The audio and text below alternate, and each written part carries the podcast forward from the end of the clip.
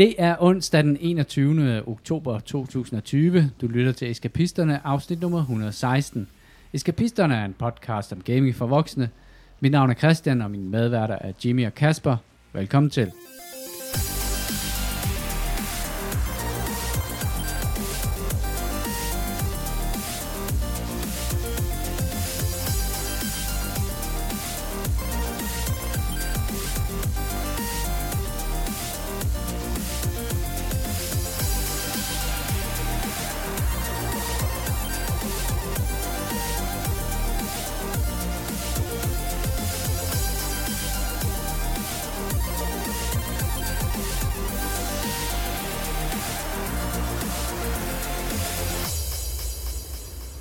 Efterhånden ikke rigtig nogen overraskelse, hvem du læser ind som øh, medværter længere.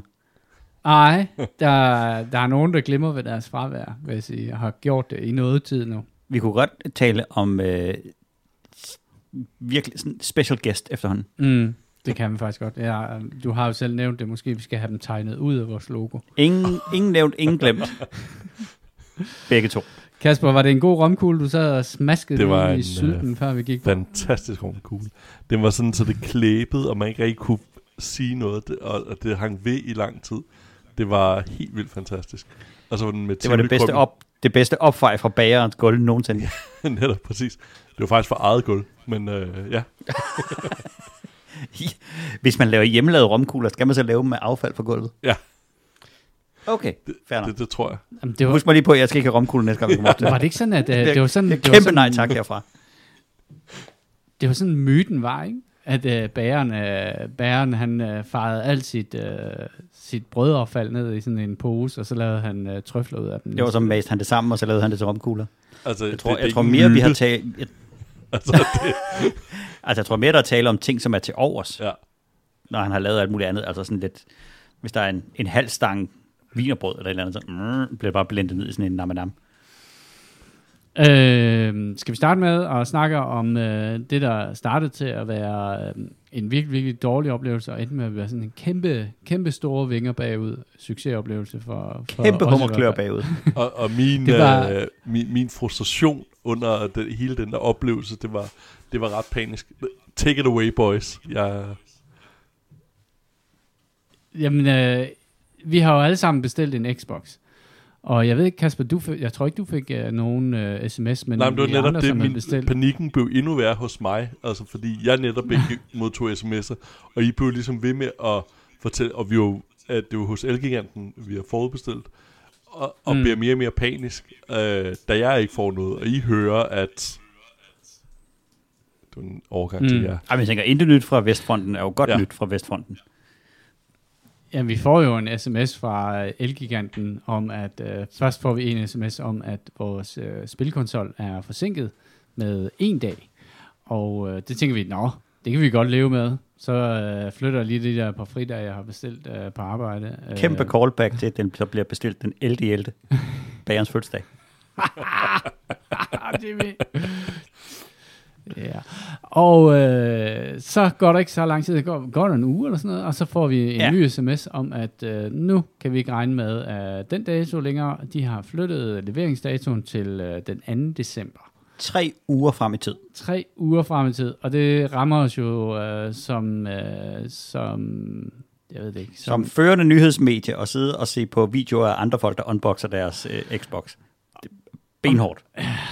Og så sker der det i går, som er lidt mærkeligt. Det er jo, at øh, vi, op, vi opdagede det lidt på samme tid, Kasper, tror Ja. jeg. Fordi at jeg i min øh, hektik, da jeg skulle bestille øh, to øh, Xboxes inden hos Elgiganten, der på en eller anden måde øh, fik jeg ikke klikket deres såkaldte tryghedsgaranti af, som er sådan en øh, særlig form for service, de sælger øh, på alle deres elektronik øh, ting, som handler om, at hvis du betaler 500 kroner, så får du noget, som lever cirka op til, øh, til, til de gældende love og regler omkring øh, tilbagelevering af, af Ej, de sælger det jo som, at hvis du, hvis du med fantasien i behold kan lykkes dig at smadre din konsol inden for et eller andet antal år, mm. Så får du en splinter ny. Mm. Og som alle andre forsikringer, så har jeg en stærk overbevisning om, at det her. Nej, det gør du ikke. Altså, Mm. øh, de vil jo også meget gerne tage den med til, hvad hedder det, jeg, jeg har jo engang været ude for, at jeg skulle købe et kabel, øhm, og så vil de gerne, øh, hvad hedder det, for det første så kommer jeg op i kassen, og så spørger, øh, hvad hedder det, ekspedienten, om der er en, der har, om den står i et navn, en sælger, der har fundet den til mig. Det var et HDMI-kabel, det kunne jeg godt selv klare. Øh, og så skal de jo så lave deres mere salg. Så hun spørger, om jeg vil have en sådan, hvad hedder det, tryghedsaftale, eller fanden der de hedder, ovenpå. Øh, altså noget, der koster dobbelt prisen af, hvad, hvad det er. Og udover det, nu er du ikke for at sælge forsikringer hos øh, Danmarks Best Rated forsikringsselskab, men øh, den dækning, du får med, udover den lovpligtige, der, der, altså, der dækker det meste af det, så er den jo ofte lidt ringere end den normale inputforsikring, man har. Så det er bare sådan, inden man... Øh, og det er jo, det er jo der primært deres... Øh, hvad det er jo tryghed, Kasper. Jeg Ja. køber jo tryghed for penge. rigtig dårlig tryghed, men øh, Jamen, jeg gik ind på øh, Elgigantens øh, hjemmeside, og der kan man jo øh, chatte med øh, en medarbejder. Øh, det kan man så ikke, fordi det første, man får fat i, det er sådan en robot, der ikke forstår noget som helst af det, man skriver. Og så på et Men tidspunkt... AI, Christian, det kommer til at stjæle alle vores jobs. Ja, ikke den der AI, de er ansat inde hos Elgiganten. Det kommer ikke til at, at kommer ikke til at stjæle stjæle nogen noget, noget som helst. Måske en enkelt tryghedsforsikring. Den, på et tidspunkt beder den om min e-mailadresse, og jeg har en gmail-adresse, så jeg skriver min e-mailadresse ind, og så er hast eller snabelag at gmail.com, og så kommer den tilbage og siger, det er ikke en e-mailadresse, du har givet mig. ja. Det, det, det, Har den sådan nogle failsafes, der gør, at du så springer direkte? Hvad hvis man sådan skriver til sådan en af de der robotter, du har krænket mig? Uh, det, jeg ved det ikke, men uh, på et eller andet tidspunkt, så fandt den ud af, at den havde ikke flere autogenererede svar, den kunne give mig. Måske også fordi jeg begyndte at Flowchartet var løbet tør. Ja, jeg tror, at det er flowchart, og så endte den nede ved. Jeg tror lige, vi øh, øh, sætter dig i kontakt med en øh, menneskelig medarbejder, som så kan svare på dine spørgsmål. Og øh, derfra, der gik det sådan set ret glat. Jeg fik øh, afbestilt øh, den der tryghedsgaranti for begge mine øh, Xbox-konsoller. og der var jeg lidt nervøs, fordi at de skriver jo faktisk højt og tydeligt, at man må ikke bestille mere end én derinde, og jeg havde jo bestilt to. Men det, det ordnede han, og jeg fik en cancellation, og jeg fik også spurgt ham om, Det var bare mere en gentleman's agreement. Ja, jeg tror, det er bare nogle ord på en hjemmeside i hvert fald. Jeg tror ikke, at den er forbundet med en eller anden form for executive powers nogen steder. Du er ikke hjemmefalden til straf. Nej, åbenbart ikke. Øhm, og så fik jeg en cancellation på de der to tryghedsgarantier. Jeg fik spurgt ham, nu har du ikke aflyst hele ordren, og det garanterede mig, at han ikke havde. Og så sagde jeg, nu jeg har dig. Hvad? Jeg har fået nogle sms'er omkring øh, de der Xboxes der, de er blevet forsinket.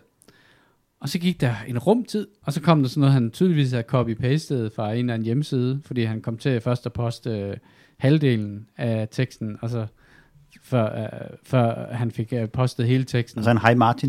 Øh, ja, hej Martin, ja. Øhm, og der skriver han jo så, at det er en fejl på Elgigantens hjemmeside, at de åbenbart sender de her, din der er blevet forsinket, øh, sms ud øh, til folk, fordi at det kom, den kommer til at blive leveret på launchdagen. Og så var det, jeg tænkte, for det første, altså, Hvad? kæmpe optur over det. det andet var, jeg skal have skrevet til min vagtplanlægger og få de der to fridage tilbage. Øhm, og det tredje var, hvad, jeg kender altså en del, som har fået den her sms her. Har I, har I på nogen måde tænkt jer at skrive ud til de der folk, der selv, måske sendte min mail om, at, I, at, I ikke, at jeres, øh, at jeres øh, sms-system åbenbart er begyndt at sende sms ud. Og så, og så gik der igen en rumtid, så skrev han, ja, det tror jeg måske også, de højere magter kommer til den samme konklusion, at det bliver de nok nødt til at gøre. Men det betyder altså, hvis du sidder derhjemme og har modtaget en sms om, at din Xbox øh, X er blevet forsinket til 2. december, så bare rolig. Den kommer den øh, 10 november, Bare roligt. Det er den måske. måske. en, øh, ja. Men det var jo gode nyheder. Og det var Men sådan, mega stenet, at man skal høre det fra øh, support, hvor man skal kæmpe sig forbi robotten som en bedre bossbattle, for at, at, at finde ud af det. Kasper, hvor fandt du ud af det hen? Jeg, hvad hedder det, jeg tænkte, der må være nogen, der har skrevet om det. Der må være kommet et ramaskrig. Så jeg gik ind på Elgigantes Facebook-side, fordi jeg tænkte, at det er det første sted, at folk vil lukke øh, galle ud. Det er der, folk brokker sig over, hvis de ikke kan få fat i dyrekort hos øh, Bilka. Så jeg tænkte, at øh, der måtte være en sådan sektion. På Elgigantens hjemmeside? Øh, nej, øh, Facebook-side. Øh, og øh, Der ville jeg også brokke mig over dyrkort. Men øh, den er så blevet bedre skjult nu, så sådan en ting hedder community nu. Og så kan man se indlæg for folk, og der var en del, der skrev, øh, der var en, der var glad for sit øh, nye tv, han havde fået. Så var der en, der ikke var så glad for hans øh, AEG opvaskemaskine. Og så skulle jeg lidt længere ned, så var der en, der sagde, hvor amatøragtigt det var med det der, hvad hedder det, Xbox. Og så, hvis man scroller lidt langt ned i kommentaren, så er der en, der skriver, det skal du slet ikke bekymre dig om. Det er helt fint. Øh, det er en fejlbesked, vi har sendt ud. Og der tænker jeg, det havde måske været smart lige at kontakte sine øh, kunder. Og nu, det er fuldstændig gratis. Nu har jeg arbejdet i et, øh, hvad hedder det, selskab, der har stået for sådan en masse udsending af sms'er. Øh, man kan jo lige lave en fritekstsøgning og se, hvem man har sendt den ud til. Og så lige extracte telefonnummeret, så sender man lige en sms. Øh, det var gratis. Og det koster jo 0 penge. Ja. Eller man kan også gå ind på sin uh, orderliste og se, hvor, hvem har egentlig bestilt en uh, Xbox på vores firma, og så sende dem en e-mail. Hey, vi kommer til at lukke noget lort ud. Det passer ikke. Uh, I Ja. får selvfølgelig jeres uh, Xbox til tiden. Har du set en vildt uhyggelig sms, så haha, Halloween prank, den kommer til tiden. My cat. Nå, men det var, Slenderman, jo, Slenderman, øh, den det var dejligt at vide, at, øh, at øh, jeg ikke skal stå i regnvejr øh, op ved den øh, nærmeste bilka ved midnat øh, den 10. for at få en øh, Xbox, øh, så Lea kan spille... Øh, Og tre uger efter, have to. ja, ja, ja, så kan jeg måske cancel den order, de har Ej, derinde. en lille bitte pris. Men jeg var da fristet til at cancel den, fordi jeg tænkte bare, I er jo fuldstændig lige så uduelige som alle mulige andre, som, som, øh, og de er jo sådan en, en official partner med Microsoft, og så derfor forventer man jo selvfølgelig, at, øh, at de, øh, At de har kan sende nogle, en sms. at de har nogle Xboxes, så jeg vil sige, jeg købte øh, mine omkring sådan mellem 15 og 20 sekunder efter, at øh, butikken åbnede op, så det ville undre mig, hvis de havde været udsolgt på det tidspunkt. Men det var godt nyt, øh, og held og lykke til Elgiganten. Jeg håber, de får styr på deres, øh, deres øh, sms-system. Øhm, skal vi blive lidt i, øh, i landet omkring øh, nye konsoller?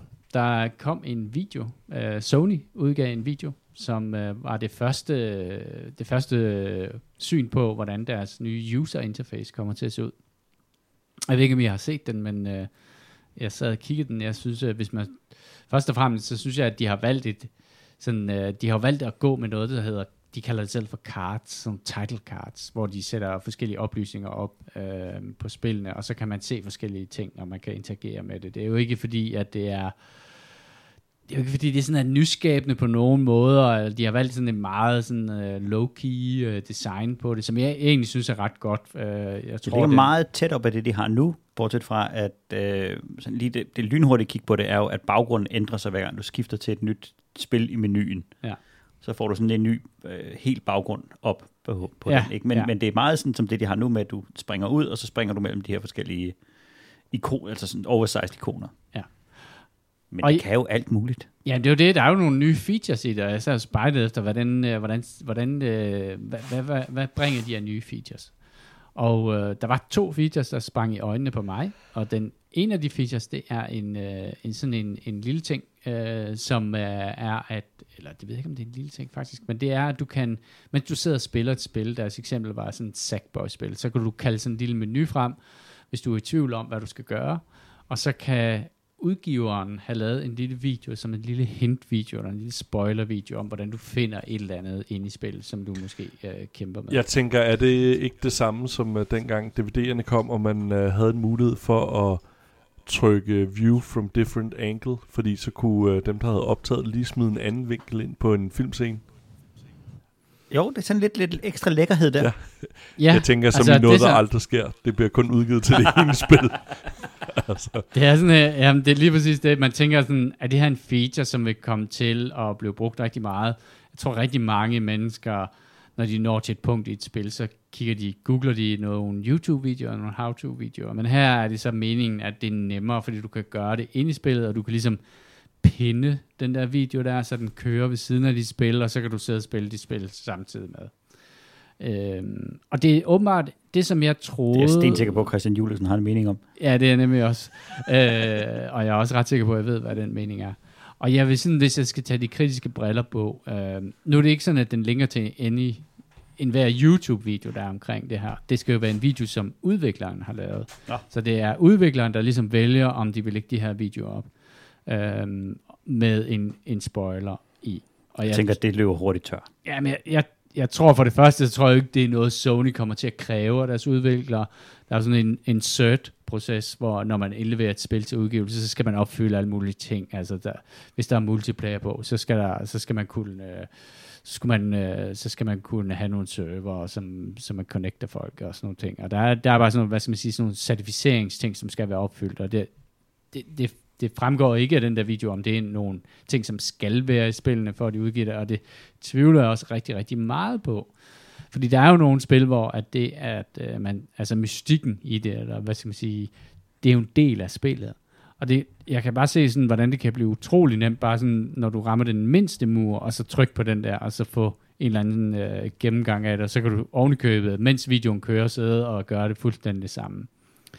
Øh, men hvad forskellen er for det at gå på YouTube og lede efter en eller anden spoiler omkring en, øh, eller andet gåde, du ikke kan løse og sådan noget, er ikke helt sikker på. Jeg, jeg har en lidt, fornem- en lidt en fornemmelse af, at det er sådan noget, det ser godt ud på sådan en video, men jeg tror, det er sådan noget, der kommer til at dø meget, meget hurtigt. Jeg tror ikke, der er særlig mange uh, spiludviklere, der kommer til at udvikle noget synderligt bibliotek til, hvordan man gør sådan noget der, men, men det er måske bare mig. Men, men uh, der kommer tror... en række launch øh, games, så kan der måske også være nogle spil, som, øh, som øh, sætter det ind i deres AAA-rating, og så siger, jamen det, det har vi med. Specielt puzzler, eller de der, hvordan finder du det easter eggs, eller, hvordan- eller hvordan finder, jeg er at jeg havde et eksempel med, når du løber den her bane igennem, hvordan finder du så præcis den del af det kostyme, du så kan få? Jamen, du skal hoppe op på den her, skal du løbe hen over den der snor, og så ligger den derover. mm, Og det kan godt, at det bare bliver sådan en, en, en super feature. ja, ja jamen, jeg, jeg ved det heller ikke, men, men det var i hvert fald det var noget nyt. Det var noget nyt, man aldrig havde set før. Og, og den anden ting, som jeg også blev mærke i, som også er nyt, det er, at øh, når du har forskellige kapitler i spil, eller sådan nogle ting, så øh, vil din nye Playstation give dig et, sådan et, et kart, hvor der står, du er i gang med den her bane på det her spil her, og vi estimerer, at det vil tage dig omkring et kvarter at gøre den færdig. Og det synes jeg er en ret interessant øh, funktionalitet, en, faktisk en funktionalitet, som jeg godt kunne bruge til et eller andet. Fordi man kender det jo alle sammen, hvis man har en time at spille i om aftenen, så er det meget fedt, at man kan nå en eller anden form for milestone i et spil. Det, der er interessant, det er, at det er en tid, som er genereret ud fra en eller anden form for data. Er det en, en uh, tid, som er genereret ud fra, at den måske trækker data fra en hel masse spillere og siger, gennemsnitligt, øh, så, øh, så kommer det til at tage et kvarter, før du er færdig med den her aktivitet. Eller, fordi det stusser jeg nemlig ved, fordi de siger, det er personalized. Er det fordi, den registrerer, hvor lang tid du har taget indtil nu om at, at hvad det hedder, overkomme forskellige øh, udfordringer i spillet, og så genererer den en eller anden form for AI-bud øh, på, hvor lang tid resten af, af den her bane kommer til at tage dig. Altså jeg håber, det er jo ligesom Kindles, den der uh, estimated minutes left in this chapter, hvor at du kan, når du sidder Mm. og læser på din Kindle, så kan du ned i hjørnet uh, få et lille minut oversigt over, hvor lang tid er der cirka tilbage af det her kapitel, som jo netop er den der, når man sidder og læser og tænker, ej, jeg er også nok, nok træt, ej, der er kun to minutter tilbage, så kommer jeg til et kapitel, jeg, jeg snupper det lige med. Eller, der er 23 minutter tilbage i kapitlet, okay, det bliver en anden dag. Øh, den er jo stærkt personalized, fordi den bliver faktisk genereret ud fra din øh, løbende læsehastighed. Der er selvfølgelig en eller anden form for legacy data på det med, hvor hurtigt du sådan er beregnet, men, men jeg har da mærke til, at hvis jeg har to minutter tilbage i chapter, og jeg så lægger bogen og går og kommer tilbage, så har jeg 23 minutter tilbage, fordi at den, den tænker, okay, du, er åbenbart blevet ordblind, mens jeg kiggede væk. og, og det, jeg vil tro, det er noget af det samme. Altså, den, den vurderer, hvor lang tid har det taget dig at komme. øh, Det her stykke i banen, jeg ved, der er 88 procent tilbage. Det kommer til at tage dig cirka så lang det her tid. Men det spændende er så, om den er lige så god til at beregne det, som den der øh, klassiske Microsoft øh, loading-sekvens, hvor at øh, den, øh, den altid tager på det aktuelle. og så sådan lidt, nu er der to år tilbage, nu er der et sekund tilbage. Nu er der 400 minutter tilbage, nu er der to minutter tilbage. Ja, man må håbe, at, man, at hvis man lægger sin uh, joypad ned og den, uh, i, i 14 timer, fordi at man uh, glemte at slukke sin Playstation, så ikke den regner den tid med ind. At den, Ja, det ligesom, tager dig 8 år at lave intromissionen. at den ligesom godt klar over, hvordan, uh, at når en controller er aktiv, og når den ikke er aktiv, når der ikke er nogen inputs eller noget den stil, at de lige tænker det med.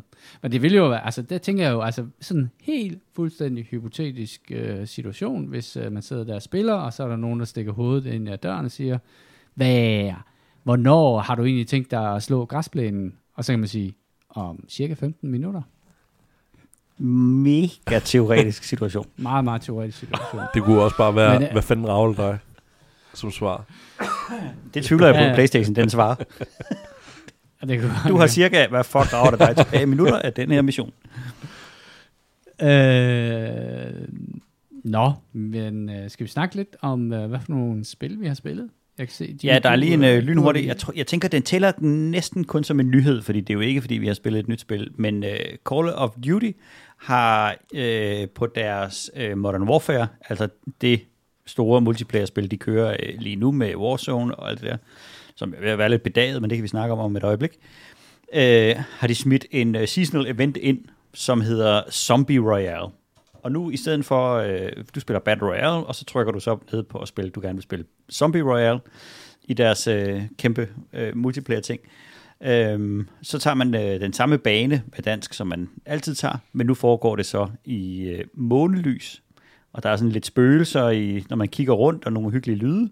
Øh, og så er øh, gimmicken altså at når man dør, i stedet for at blive smidt i gulag og skulle kæmpe om at få lov til at respawn på banen, så respawner man som en zombie, der kan, kun kan løbe og, og ligesom øh, hakke andre. De har sådan et, øh, til gengæld sådan et øh, super jump, og så har de en gasgranat og et EMP-angreb, åbenbart. Jeg ved ikke, hvad det gør. Men det er et super lækkert øh, take på det, som faktisk giver mig kæmpe lyst til at spille Battle Royale-spil for allerførste gang nogensinde.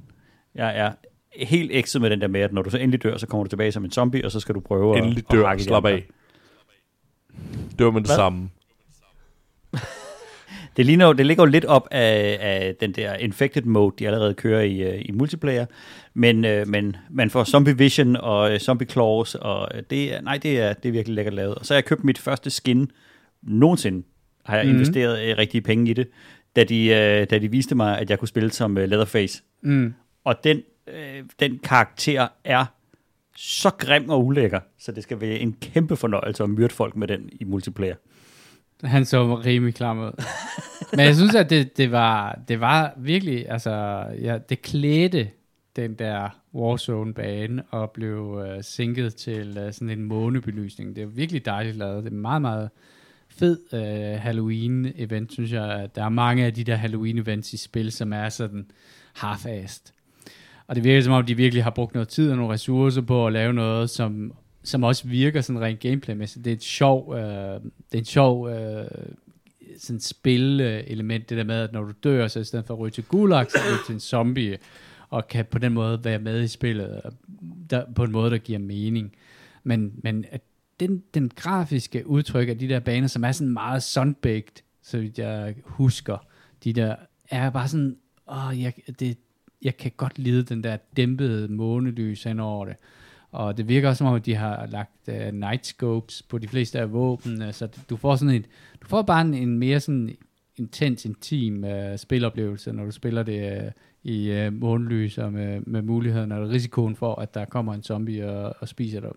Uh, jeg synes, det, det, det virker som om, at, uh, at de har også ikke noget, lagt noget energi i at få Ja, vi har lige en øh, for nogle franchises uge af det her, så der skal lige, ja. øh, der skal lige tæskes igennem. er der alle mulige, så kan man vinde alle mulige nye, øh, nye Alt ting. muligt og- øh, loot, man kan finde i sådan nogle øh, Halloween treats. Au.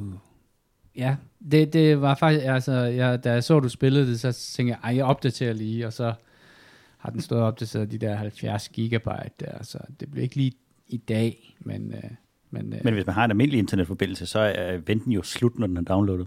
ja, det tænker jeg, ja, ja, det tænker jeg, så, så er det sgu nok færdigt, den der ting der, det er voldsomt den måde, de bliver ved med at, at putte de der oversized uh, patches ind, uh, og de vidste jo godt, de vidste jo godt fra starten af, altså alle har været trætte af de der gigantiske patches der, men øh, ja, de er ligeglade. Men der er noget fedt ved at køre rundt med Leatherface i en, øh, i en, i en golfkart. Og så kan man, øh, de andre skins, der findes, det er så øh, skurken fra Saw, den der grimme maske i en øh, smoky med rød butterfly. Og så en, der hedder øh, Dr. Karloff, som har sådan en øh, Phantom of the Opera-agtigt halvmaske på. Øh, jeg går ud fra, at det er en, en, et callback til en, en klassisk Boris Karloff, øh, men den, det, den siger mig ikke noget, så jeg, jeg har måske misset en reference der. Mm. Men det er jo hyggeligt, og det passer godt til, til den tid. Øh, Du, du, du, du. Det er begyndt at blive mørkt, når man står op om morgenen og sådan noget. Og vi har da også øh, lavet et par græskerhoveder, som står ude foran. Altså, jeg kan mærke, at det der, det gode ved vinteren, det er jo frem til jul og sådan noget, kan man godt lige tolerere. Altså, det, det der med, at det bliver mørkt tidligt, ikke? Og der kan man godt finde hyggen i det, og så skal man Kommer ikke januar langt februar, ind, så er det ikke bare langt ind i januar, før man bare virkelig øh, har noget kvalmegrænsen over det. Men lige nu er det pissehyggeligt. Og det, øh, det giver mig sådan åh oh ja, det er sgu hyggeligt, og vi skal tænde lidt op i pejsen og sådan nogle ting, og vi skal spille, øh, spille Halloween-spil og, og alt det der. Så god timing der, og det virker som om, de har lavet et kvalitets, kvalitetstake på, hvordan en, en Halloween skal være i et spil. Kasper, du har spillet Freedom Fighters. Ja. Fortæl os om det, Ja, øh, når du er færdig med at dø. ja jeg, jeg fik lige uh, slugt noget med eget savn, så det var... Det fik I lige med Perfekt. os der. Perfekt. Øh, hvad hedder det? Savler romkugler, det er en rigtig voksen diæt. Ja. jeg havde, øh, hvad hedder det, jeg følger blandt andet IO Interactive på øh, LinkedIn, og øh, de havde for nyligt øh, 22 års jubilæum, eller sådan noget, øh, tror jeg. Øh, og det skrev de så om, og så postede de øh, sådan et billede, hvor man kunne se øh, Agent 47, og så Kane og Lynch, og så var der også lige øh, hovedpersonen fra Freedom Fighters. Og så skrev jeg som kommentar under, Freedom Fighters 2 confirmed, øh, og så var der nogle likes til dem. Og så sker der det, at øh, de faktisk genudgiver øh, Freedom Fighters, øh, jeg tror et par dage efter eller sådan noget. Den poppede i hvert fald op på Steam. Det købte jeg med det samme og tænkte, fuck, det har jeg glædet mig til. Det er et af mine allerbedste spiloplevelser, og øh, øh, mange af grundstenene til mange andre spil findes ligesom i det, i, i forhold til cover og hvad hedder det, øhm, og squad Er det det, hvor Nordkorea invaderer Nej, USA? Øh, Sovjet, men øh, ja, det, det andet, det hedder Homefront, det er Nordkorea, tror jeg. Nå, Øhm, sorry. Men ja, foregår i New York, øh, hvor at, øh, øh, hvad hedder det, at øh, det er Sovjet, der bomber Berlin med en atombombe, og får ligesom vendt hele krigslykken, så at alle de europæiske lande ender i, i Sovjetlande, og øh, så er der den sidste frihedsbastion tilbage, øh, USA, som så lige pludselig meget hurtigt bliver invaderet af Sovjet, og så er der bare, øh, hvad hedder det, USSR, soldater over det hele, og så skal man ligesom kæmpe sig ud med det. Øhm, og øhm, lad mig sige det sådan, lad være med at genbesøge sine barndomsminder, især når der taler om computerspil, som er 17 år gammel, og samtidig sådan... Nej, hvis- man skal heller ikke til Van Damme-film igen. Nej, men lige der, der, der, der kan man tilgive den nogle ting. Det der, når det er, hvad hedder sådan et tungt 3D-baseret spil, øh, og mange af elementerne er lavet sidenhen i andre spil, så føles det bare ikke særlig elegant. Så føles det lidt som, at, øh, en, at jeg har siddet og fortalt til nogle kinesiske udviklere øh, en genfortælling af The Division, hvor jeg så har modtaget den første pre-alpha øh, demo. altså, det var en okay. virkelig, virkelig trist oplevelse. Det gjorde jeg faktisk, at jeg ikke rigtig havde lyst til at spille andet resten af ugen. Jeg var sådan lidt, nå, det kan godt være, at jeg lige skulle læse en bog eller et eller andet andet end, øh, end at spille computer. Det var, det var en... Øh, en det, Kan det også være, det er en værd lortehobby? Ja. ej, det, det var, ja, øh, det, det var desværre en ret trist oplevelse. Øh, og det er endda lidt min egen skyld. Og nu har jeg jo tjent nogle penge på, at øh, de bare snakkede direkte ned i barndomsminder til mig. Øh, det står stadig som et fantastisk godt spil til mig. Øh, altså hele squad-elementet, øh, og øh, hvad hedder det, som ses i øh, blandt andet Øh, cover, øh, sådan meget intense bymissioner og sådan noget, som man ser i mange andre spil. Øh, og at du ligesom skal løse en mission på en, en bane, og så hoppe over til en anden bane. Det er bare så uelegant udført, fordi man har, jo- han, man har jo set det perfekt, øh, gjort til perfektion i andre spil sidenhen, og det gør bare, at det kommer til at virke rigtig, rigtig... Øh, ja, øh, ikke så sjov oplevelse, som man havde regnet med. Øh, så ja, det var, det var desværre ikke et fedt genbesøg. Der er bare noget af det der øh, gammel kærlighed, ikke? Ja. Hvor, man, hvor man bare skal lade det blive, og så bare, hvad hedder det, sige, jamen, øh, det var godt, og det er sådan, jeg husker det, men øh, Men det er jo det, man ved det bare sjældent, før man rent faktisk får startet op på det. Jeg har aldrig spillet det der Freedom Fighters, men det er sådan et spil, som IO blev ret kendt for, er det ikke? Jo, altså, jo. dengang, at de, Øhm, at de Og, og ret interessant, fordi at øh, dengang de laver det, der går de ud og laver den, øh, øh, mens de er signet hos øh, Eidos øh, dengang, og går faktisk ud og laver en, en ny IP, som de faktisk får udgivet hos øh, EA dengang. Øhm, og er virkelig et, et, et øh, ret banebrydende spil for sin tid. Øh, det der cover-model og squad-baseret øh, var noget, der først gik mange år før man så i andre spil. Øh, altså Gears og Division og Homefront og så videre. Så det, det var virkelig altså forud for sin tid, øh, men øh, desværre er det ikke ældes med ynde, fordi at, hvad kan man sige, øh, andre spil ligesom har samlet det op. Det var også som, for eksempel da jeg læste øh, film- og medievidenskab, hvor at man så, jeg havde aldrig set Psycho, men så den for første gang. Øh, der var nogle elementer, der fungerede ret godt, men så er der også bare nogle gyselementer, hvor at de bare har taget det og gjort det meget, meget bedre, og til sidst, når vi skal forklare, øh, altså, at man, at man får en forklaring til sidst, hvorfor det er, han gør sådan, og det var fordi, det har været så vildt dengang, men altså, jeg behøver ikke en forklaring om, at der findes syge personer. Det, øh, det behøver jeg ikke have en psykolog, der sidder og fortæller mig i slutningen af filmen. Og det føles lidt som sådan, så selv, øh, og vi har lært på, øh, på film- medievidenskab, at man nogle gange skulle tage de historiske briller på, når man så den, så er det æder spark med svært med, med spil, fordi at der er bare noget teknologisk, der er sket i mellemtiden, øh, altså, fordi det ikke er levende billeder, vi ser bevæge sig, men noget, der rent faktisk er, går så mange udviklinger igennem. Øh, så ja, det, det var ikke en køn oplevelse. Ja, Men det er særligt med øh, 3D-spil, er det ikke? Jo. Altså, jeg tror 2D-spil på en eller anden måde, altså pixel art har selvfølgelig også fået en revival. Øh, eller, Altså, jeg husker uh, Commander Keen bedre, end de var, da jeg genspillede dem for nogle år siden.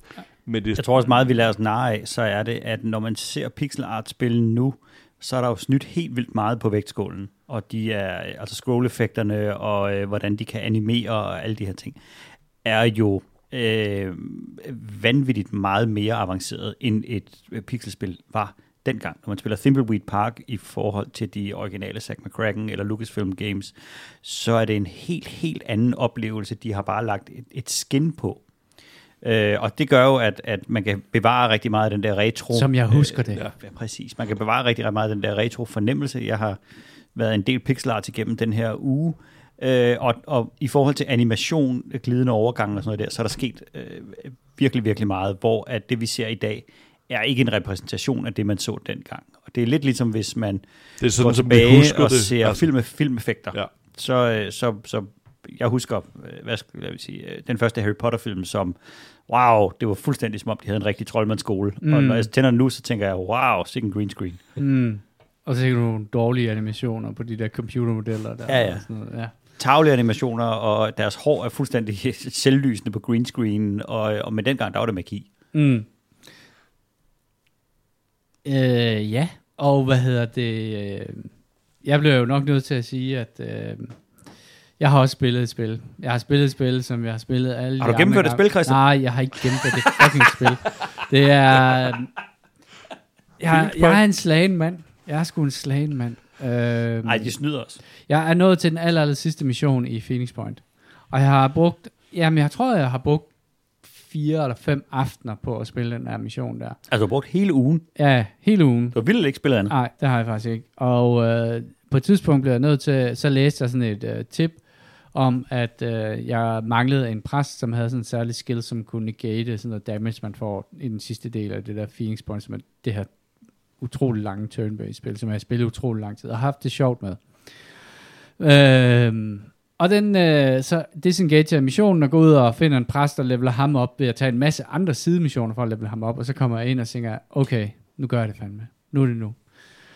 Og det viser sig så, at øh, Det er ikke nu det er ikke nu, fordi at øh, den skill, som før kunne være hele nøglen til den der mission der, den er blevet nerfed, så den virker ikke længere på den type damage. Og det fandt jeg så ud af her i weekenden, da jeg så havde spillet det.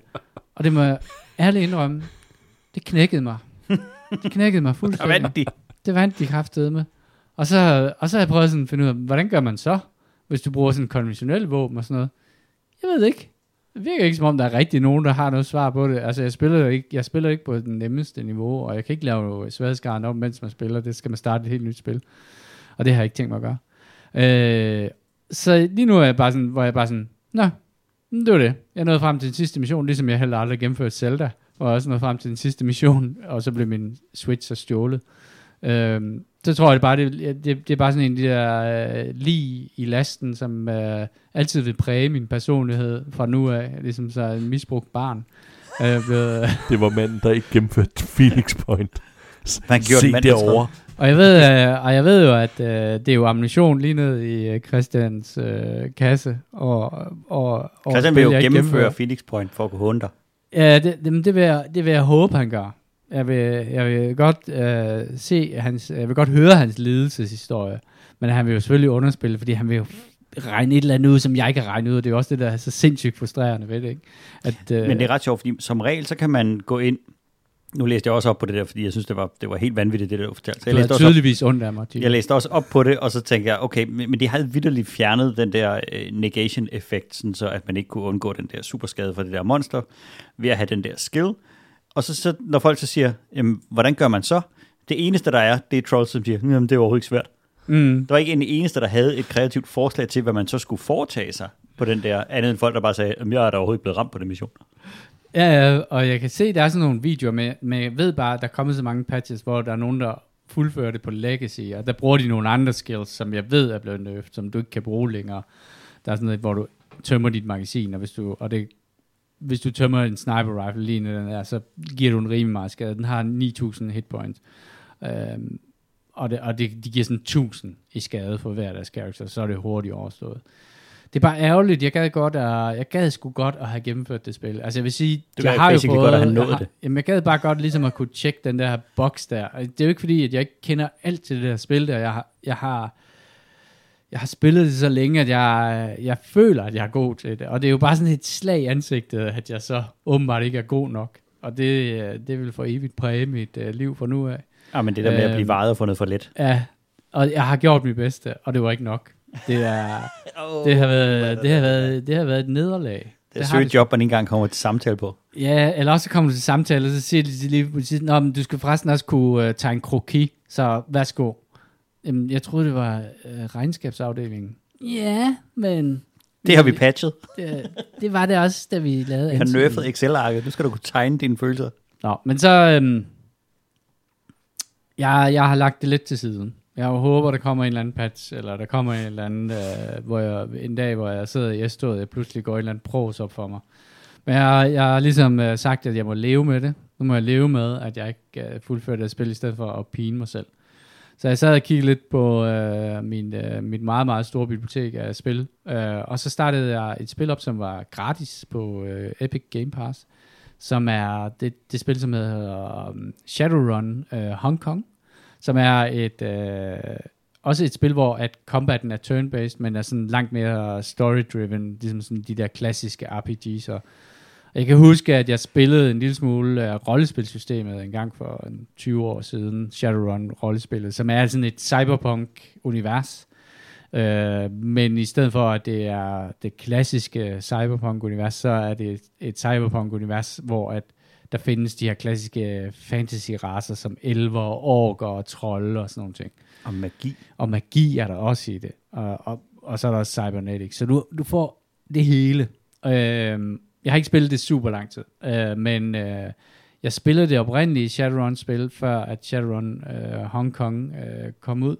Øh, og det, som er det gode ved, ved det spil, det er, at der er sindssygt god sådan, cyberpunk-stemning i det. Det er sådan isometrisk øh, 3D, eller hvad, hvad de, ligesom de gode gamle Fallout-spil, før de, de blev first person, og ligesom Pillars of Eternity og Baldur's Gate og sådan nogle ting. Men, men det har det her science fiction-univers, hvor, hvor der, der stadigvæk er sådan fantasy-elementer i det, og så er der rigtig, rigtig god historie i det, øh, og det er den der historie, som, er, som, jeg, som jeg hygger mig med i øjeblikket, fordi at det er et, et forholdsvis gammelt spil, hvor at man kan sige, combaten i det er, det er ikke sådan up to date. Det, er ikke, det kan ikke måle sig med XCOM og sådan nogle ting. Det er sådan mere klassisk, øh, sådan en lille ting, som at det er ikke rigtig 3D. Det er, du kan ikke dreje kameraet rundt om dine karakterer og sådan nogle ting, og, og der, er nogle, der er bare sådan nogle øh, hvad skal man sige, quality of life ting, som er indført i XCOM 2 og indført i alle nye øh, moderne sådan, øh, turn-based shooters, som det ikke har.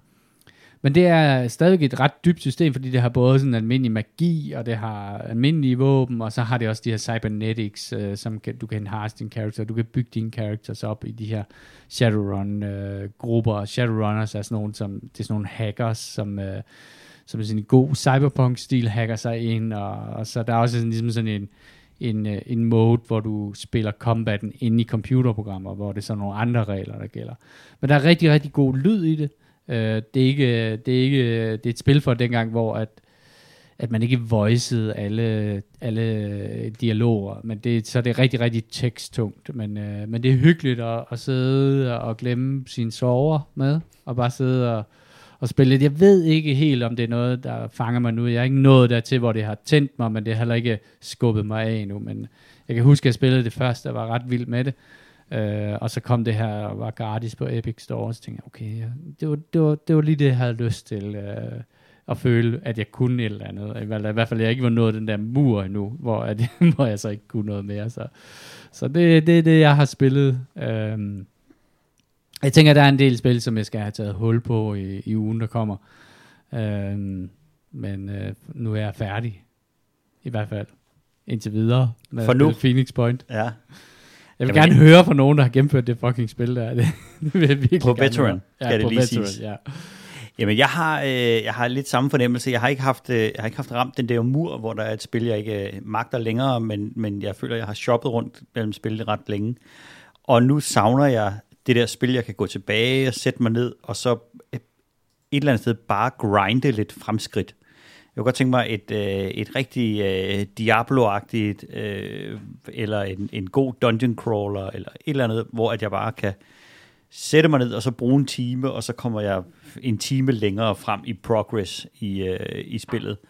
Øhm, og så har jeg super samlet rundt i en masse af de her øh, småspil. Øh, for lige at lave en, en klassisk segway, så har jeg også spillet et Cyberpunk-spil, der var øh, på vej ud af Game Pass, der hedder Red Strings Club. Og det er et spil fra øh, 2018, der er lavet af Deconstruction Team, og så er det udgivet af Devolver Digital. Og de plejer at være sådan en slags garanti for, at noget er øh, øh, lækkert. Jeg plejer godt at kunne lide det, de spil, der Devolver plejer at udgive.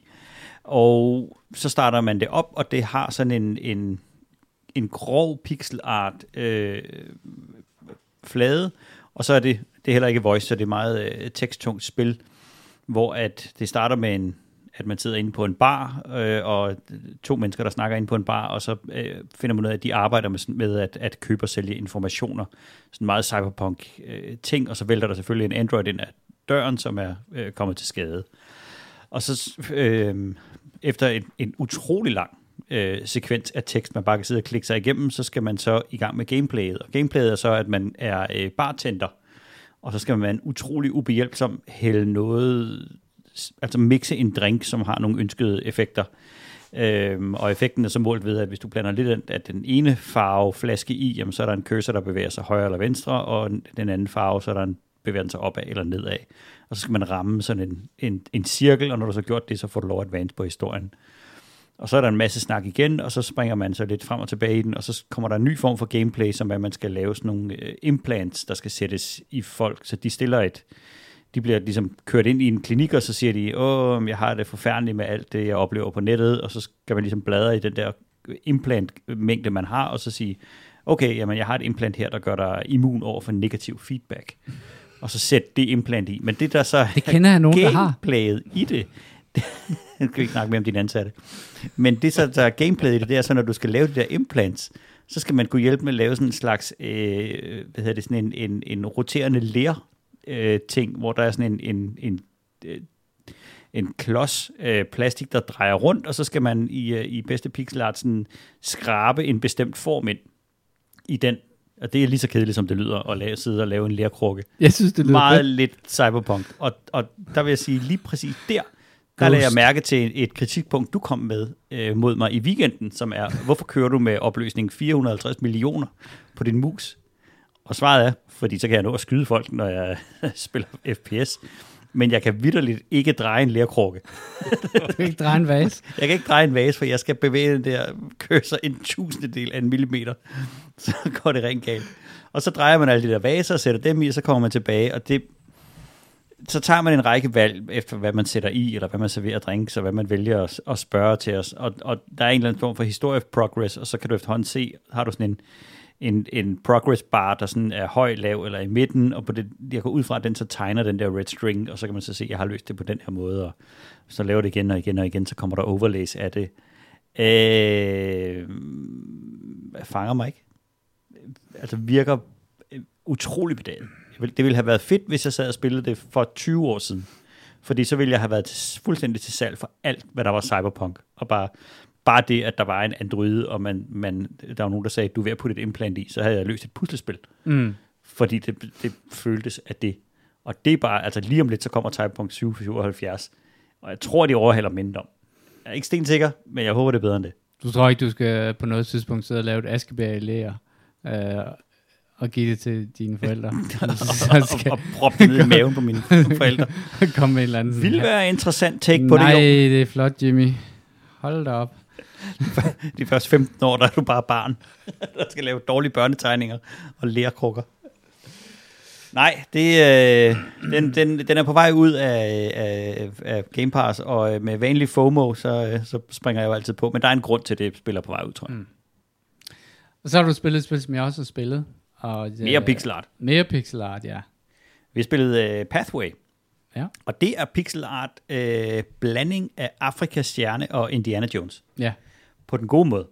på der er sådan måde. en, en, en uh, tilfældig genereret, uh, instansgenereret bane, uh, og du står i den ene ende, og så skal du nå til den anden ende. Og, og så er der uh, måske uh, 15 uh, brikker på, på det der, eller locations, og så er der nogle veje imellem, og så har du så selvfølgelig et begrænset antal uh, fuel og hvad hedder det, forsyninger, og så skal du så nå igennem den her, hver gang du kommer til en, øh, trykker dig frem mod en ny location, så, så trækker spillet ligesom et kort og siger, du møder en beduinstamme og får noget mad, eller du løber, din jeep kører tør i sandet, og du mister en fuel, eller du overrasker en flok nazister i øh, gang med at lave et uhyggeligt ritual, vil du kæmpe med dem eller køre videre.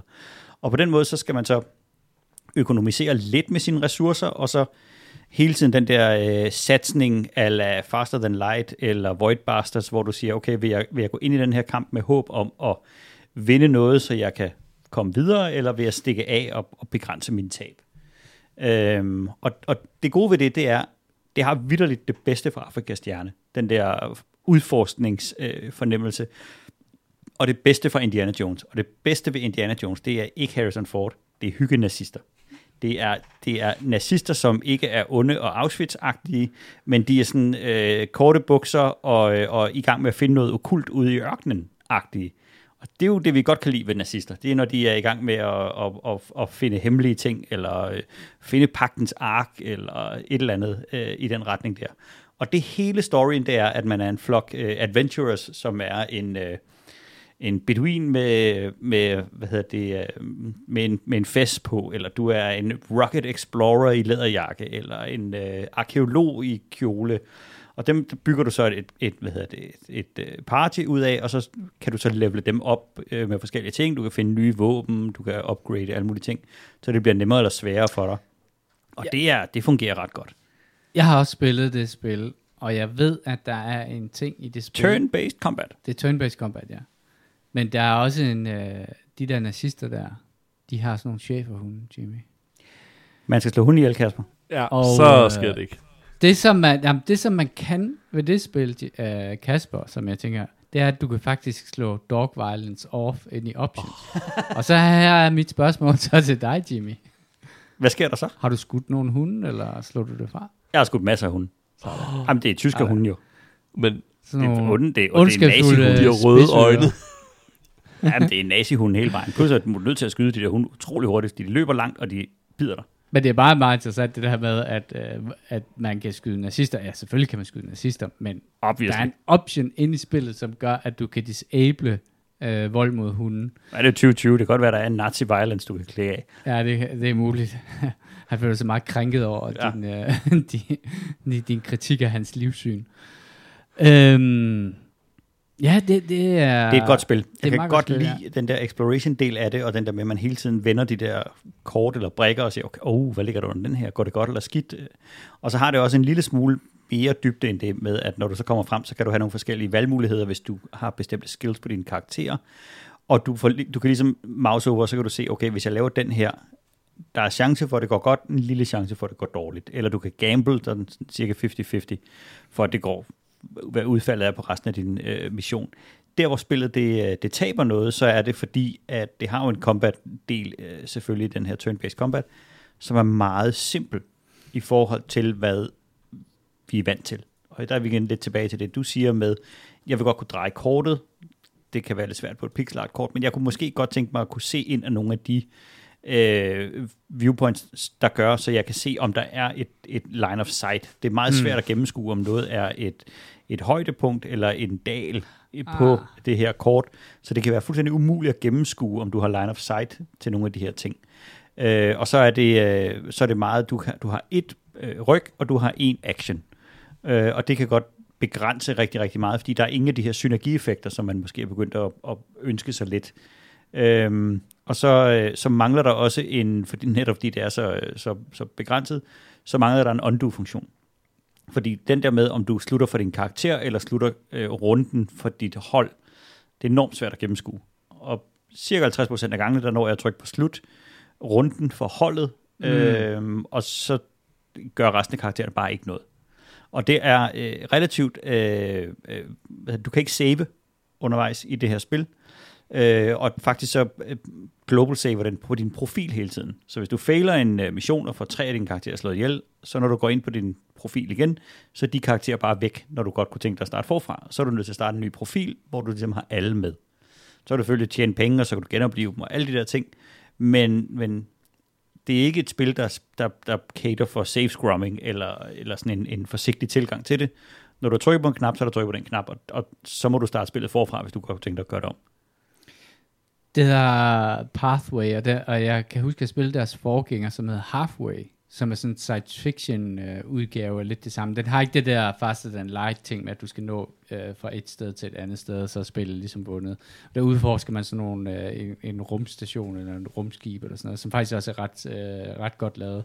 Sammen sådan pixel art øh, turn-based spil. Hvem har spillet Iconfell, det har jeg også. I, I kendt fælde? Iconfell, eller Iconfell, det er også et pixel art spil, øh, også med turn-based combat, hvor man spiller en, øh, en lille rødhåret pixelpige, som skal ud og lede efter sin søster i en skov. Og så øh, skal man møde man en, nogle spøgelser, nogle svampe og sådan nogle forskellige øh, monstre. Øh, det er også et, et spil, hvor du løber rundt med WASD og udforsker en skov, åbner nogle kister og finder nogle ting og får nogle, øh, nogle XP, når du går i combat. Øh, Øh, combaten i det her spil er meget klodset, øh, også turn-based, men på den der mere klassiske JRPG-måde, hvor du ligesom står på sådan en 2D-bane, og så løber du frem og tilbage mod hinanden. Den, har, den er dog meget tilgivende i sådan nogle undo-funktioner, så hvis du flytter et forkert sted hen, så kan du bare lige rykke tilbage, og så rykke et andet sted igen. Og det, det er faktisk rigtig rart i det her, fordi det er meget svært at gennemskue, hvilket spil, der gør hvad, og hvordan du kan give skade med de her øh, forskellige ting. Øhm, og så har den forsøgt at lægge sådan et, et element ind i spillet, hvor at hvis du, hver gang du kaster en spell, så har den sådan en, en lille animation, og hvis du rammer et bestemt punkt, så giver du ekstra skade. Og hver gang nogen kaster en spell på dig, så har den også en lille animation, og hvis du rammer det rigtige punkt, så får du nice, som er en reduction, eller excellent, som er en negation af den her skade. Det er super fint til at holde dig engageret, mens man laver dem her. Øhm, jeg synes ikke, det redder spillet. Og, og hvis man synes, det er drøncharmerende, så er det sikkert det. Det, det ramte ikke mig. Skal vi gå til anbefalinger? Kasper, øh, ud over verdens bedste rumkugler, hvad, har, du, har du noget, du gerne vil anbefale? Jamen, øh, hvad hedder det? Jo, men der, der var faktisk mere til dem verdens, bedste rumkugler. Det var man faktisk... Altså, lad os, lad os tage Jamen, den. lad os tage den først. Øh, hvad hedder det? Hvis man... Øh, jeg vidste faktisk ikke, hvordan man lavede romkugler, Men øh, hvis man har kagerester, og nu ved jeg, at vi har fynske øh, lyttere, øh, så den her anbefaling her, ikke sammen med, at øh, svigermor var på besøg, og hun ønskede brun svir, men romkugler laves af gamle kagerester. Og øh, hvis man ikke har smagt Danmarks bedste øh, romkugler. Øh, de kommer fra Nørre Åby Bæreri på Fyn, øh, som vi nok også med rette kan kalde øh, verdens bedste romkugler. Så er det så går man altså glip af noget. Jeg er ikke øh, normalt kæmpe romkuglefan, men de her, de kan altså noget. De er dyppet i et ekstremt tykt lag chokolade, øh, og så rullet i noget, øh, ja, noget, hvad hedder det, chokoladekrum. De smager vanvittigt godt. Og øh, fordi vi havde nogle Så jammer du har lavet på, brun, på Fyns Brunsviger. Ja. Den eneste Ja. rigtige Brunsviger. præcis, øh, Brunsviger. Bronners, øh, hvad hedder det, men øh, hvis man har nogle kagerester til overs, det ved jeg selvfølgelig godt, man ikke har, så har de faktisk udgivet deres opskrift, øh, så man kan prøve kræfter med dem. Øhm, og det er jo bare at søge efter dem, plus en opskrift. Og øh, så vil jeg lige give et lille råd, hvis man kaster sig ud i, udover de smager sindssygt godt. Det er, at øh, der står, at man lige skal bruge noget chokolade til at smelte det i. Øh, til den standardopskrift, øh, de bruger, der skal man næsten bruge et halvt kilo chokolade og smelte i. Øh, det er ikke sindssygt mange romkugler, man får ud af det, så det er rimelig gedin tyk lag chokolade, man får ud af det. Lige et halvt kilo chokolade, man smelter, så, så kan man godt få noget ud af det. Øh, og lige at smide nogle øh, små nødder i, det giver lidt, øh, hvad hedder det, konsistens til den ellers, øh, den der masse, dej. masse der. Ja. Det, det, det var jo en sjov oplevelse, fordi jeg var sådan, jeg har aldrig prøvet det før, og så smider man en masse kage op, og, og smider noget chokoladepulver, og så lige pludselig, så, med, så, så er der noget sammenhængende masse. Øh, det er gået fra kager af forskellige rester, så lige pludselig, så, ja, så sker der noget magisk. Hvor, hvor har du fået kagerester fra? Har du, har du bare gemt kager, eller hvad? Jeg havde noget kage til overs, som ikke var brunsvær, for dem spiser man selvfølgelig mm. det hele af. Øh, og så, hvad hedder det, så skulle der noget masserin i. Øh, der gik jeg bare ned og købte noget i Netto, og så købte jeg det, den manglende mængde vinerbrød, jeg ikke havde. Der gik jeg ned og fandt en roulade, øh, og tænkte, "Jamen, der, det er ikke særlig præcis, hvad der står, der skal i, så jeg har prøvet at smide det sammen, og det, det endte med et, et meget godt resultat. Og så noget romessens, og så smager det... Jeg er også rigtig rom. Øh, vi, vi havde nogle øh. Rester tilbage fra, hvad hedder det? Ej, din fejnsmækker. Ja, ja, men det var, det var for, for brylluppet, de der Mm. utilvanlige store mængder af sprut, vi havde købt. Der var noget øh, rom tilbage fra. Men øh, så det er en meget god lige ting at huske på, at øh, hvis man har studiekammerater, der er muslimer, så udover at de ikke spiser gris, så drikker de ofte ikke alkohol. Det er meget god lige ting at huske på. Øh, de var heldigvis gode til selv at spørge, øh, inden de bed i. Men øh, Mm. så det, det smager virkelig, virkelig godt. Og så, så kan man også sænke prisen lidt, øh, som normalt ligger på en sådan 10-15 kroner for sådan en romkugle der, øh, fra verdens, øh, eller Danmarks bedste romkugler. Så kan man lige sænke den At- lidt, men... Det er meget dansk, man er nødt til at spørge. Er der sprudt i det her? ja, præcis. ja, altså så spiser jeg det fandme ikke. Var det, er det ikke et eller andet med, at man kan postordre Jo, jo, jo. fra deres Altså, bager? vi, vi, vi havde på arbejdet, der, øhm, der bestilte vi lige pludselig så mange, øh, og det, der går en sådan mail rundt, som melder folk sig til, øh, og så, så var der en enkelt person, der stod for det. Hun blev ringet op af dem, og øh, blev gjort opmærksom på, at du må ikke videre se den.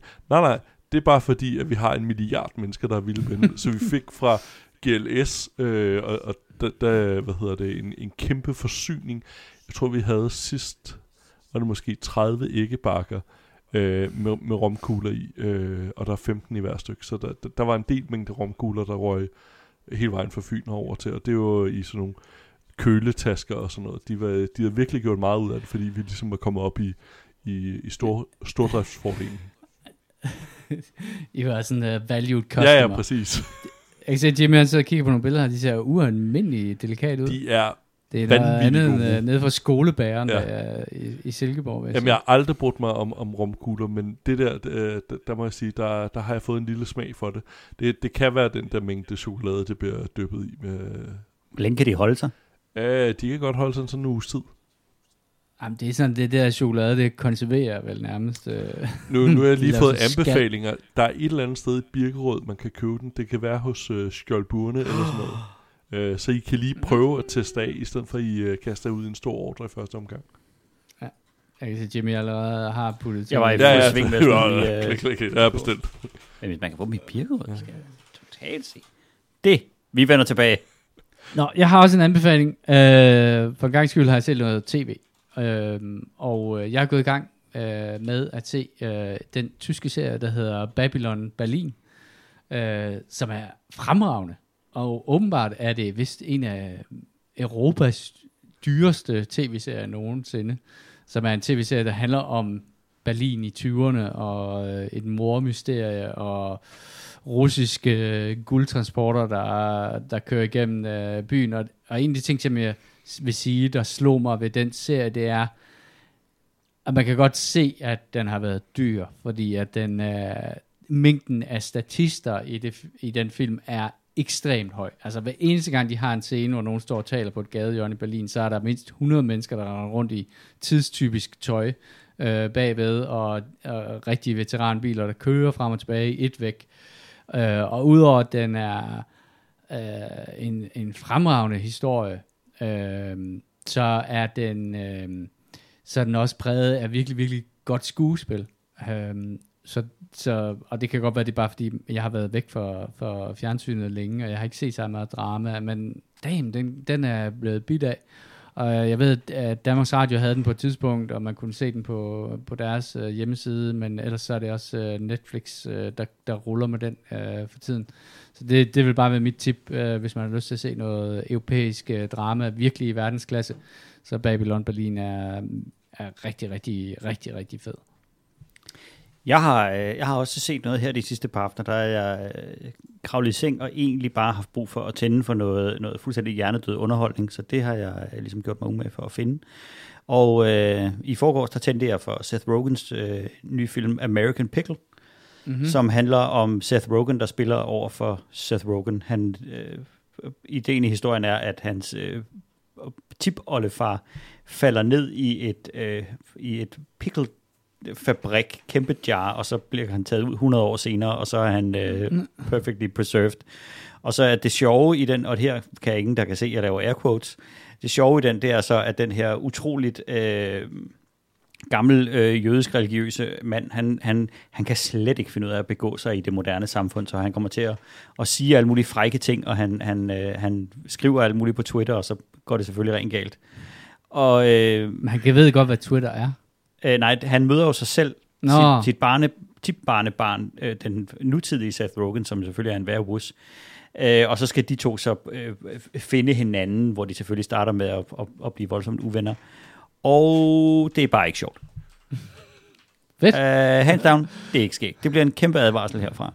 Så tænkte jeg, øh, okay, men her er der faktisk en, jeg så havde gået og gemt lidt. Fordi jeg er jo umådelig glad for, øh, for Will Ferrell mm. øh, og hans makker for Step Brothers der. Øh, og de har lavet en film, der hedder Holmes og Watson, som er en, øh, et spoof på den her øh, Robert Downey Jr. Øh, Sherlock Holmes øh, film, hvor at Sherlock Holmes er sådan en actionhelt, der kan beregne alting, og derfor er verdensmester i at slås og opdage, og, og deduktiv logik og alt muligt andet. Og øh, det har de så lavet en, en, en øh, film henover. Øh, den er heller ikke sjov in case you're wondering, øh, den behøver man faktisk ikke engang at, Men, at tænde op for. Heller ikke, hvis man godt kan lide Will Ferrell og tænker, alt hvad Will Ferrell har lavet er sjovt. Så nej, det er det ikke. Men er det hjernedødt? Nej, det er det ikke. Det er ikke engang dum humor. Det er ikke sådan, hvor man sidder og tænker, oh, oh, oh, det er godt nok lidt. Det er bare dumt. Altså, alle, alle, alle gagsene og, og vidtighederne, de er trukket for langt, og, de, og så bliver de sådan meget tydeligt forklaret, øh, og, og så skal den forsøge at være, være fræk, og, og, og det er bare ikke sjovt. Altså, så forsøger de at lave nogle, nogle, øh, nogle pranks på, øh, på amerikansk øh, nutid ved at sige, at øh, det kunne vel aldrig gå galt med det amerikanske embede, og der er et par amerikanere med, så det er hele tiden super sjovt, at de trækker pistoler frem, når de, når de skal løse alle problemer. Men det er bare ikke... Det fungerer bare ikke. Altså, den rammer... Den har fået 3,8 på IMDb, så jeg efterfølgende, og så er vi altså nede i den lave ende. Okay. Dem Endnu jeg, det var to advarsler der. Hold, hold jer væk fra dem, og ikke engang for sjov. Det vil jeg skøjte henover. Ja, det kan man godt lige sappe forbi. Så... Hvad, øh, har du noget godt at, at lige rense gaden med, øh, Kasper? Ja, det har jeg. Øh, dels øh, vil jeg bare støtte op om den øh, anbefaling omkring at se lys i mørke. Hold kæft, det er en oplevelse. Det er, det er fandme fantastisk. Øhm, og udover det, så har jeg netop renseganen. Øh, så er der David Tennant, der også podcast with.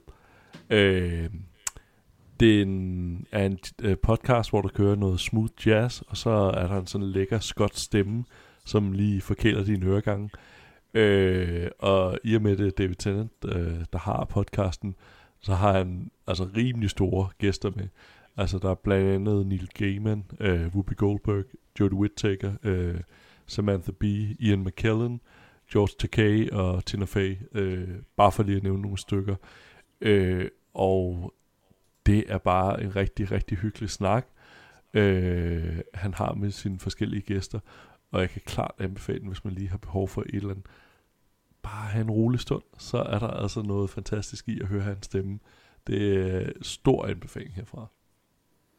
Og David Tennant, hvad er det, han er kendt Doctor Who? for? Er det Doctor Who? Ja, den der, da Dr. Who blev genoplevet, så var han den nummer to af de nye doktorer, tror jeg. Uh, han, han blev voldsomt populær. Uh, han er også med i Good Omens uh, serien, uh, også Neil Gaiman. Kæmpe anbefaling. Og uh, ja, det tror jeg er en uh, Amazon Prime-serie. Um, Yep. Har han ellers været med i.